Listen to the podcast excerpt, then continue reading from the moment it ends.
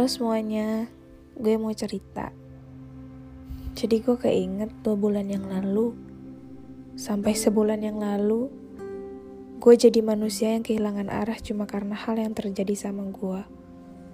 Gak selaras dengan apa yang gue mau. Banyak banget hal yang terjadi di hidup gue yang gak sepatutnya untuk gue sedihin sampai berlarut-larut. Sempat memaksa Tuhan untuk jadiin hal yang gue mau itu menjadi hal yang terbaik, meski sebenarnya nggak sama sekali. Doa gue dulu bukan, ya Tuhan, temukan saya dengan yang baik, jauhkan saya dengan yang buruk. Tapi, ya Tuhan, tolong jadiin dia yang terbaik, meski mungkin dia yang terburuk. Seambis itu, seambis itu gue dalam berdoa. Dan saya yakin itu doa gue udah benar. Memaksa Tuhan maunya dia. Berspekulasi bahwa dia yang paling baik, yang lain enggak. Berpikir kalau nggak ada yang sebaik dia. Padahal nyatanya, apa yang gue kira pantas, belum tentu tepat di mata Tuhan. Gue menutup mata, telinga, bahkan hati. Banyak hal-hal buruk tapi tetap merasa bahwa gak akan ada lagi yang kayak dia. Terus-terusan nyalahin keadaan dan ngerasa, apa sih yang salah dari gue? Kenapa hal-hal kayak gini selalu terjadi sama gue? Kenapa hal-hal kayak gini harus gue rasain berkali-kali? Padahal, Tuhan cuma mau nunjukin gue berada di orang yang gak tepat. Setelah gue mulai ikhlas dan sadar, gue baru paham kenapa semuanya terjadi sama gue. Setelah kehilangan, banyak banget hal-hal yang gue temuin. Banyak banget benefit yang bisa gue ambil. Banyak banget hal-hal yang bisa gue pelajarin lucu sih kenapa gue kenapa bisa gitu gue segila itu untuk hal yang belum pernah gue temuin sama sekali. Lucu juga kalau diingat-ingat gimana bisa gue nyalahin diri sendiri terus menerus hanya karena kehilangan yang sebenarnya. Gak ada artinya. Kalau kemarin-kemarin gue sempat marah-marah sama keadaan.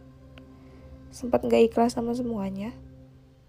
Sempat terus kepikiran karena pelakuannya yang gak enak sekarang gue memilih untuk bersikap seolah-olah gue gak pernah terjadi apa-apa.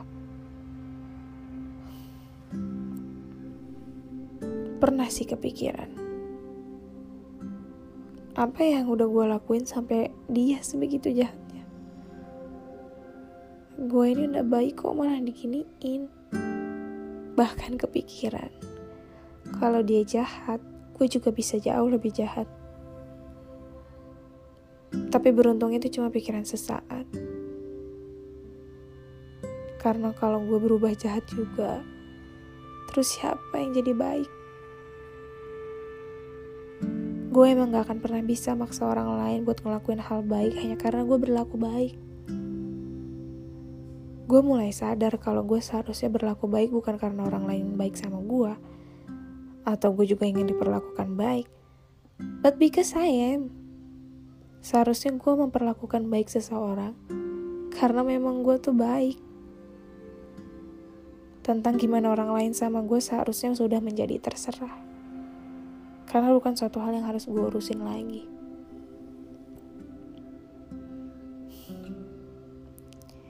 Gue juga inget Gue yang bodoh ini dulu selalu nunggu dia kembali datang untuk menetap meski gue tahu seburuk apa perlakuan dia sama gue.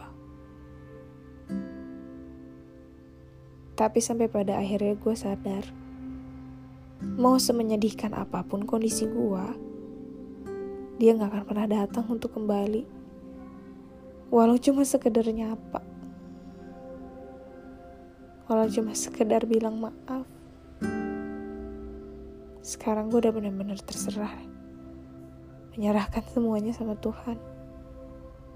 Kalau kemarin gue sempet maksa Tuhan untuk menyatukan gue dengan dia lagi. Sekarang doa gue berganti haluan. Tolong dekatkan gue sama yang tepat. Jauhkan gue sama yang buruk. Tapi doa gue yang lain tetap sama. Gue masih pengen lihat dia berubah jadi orang yang lebih baik. Meski itu bukan sama gue.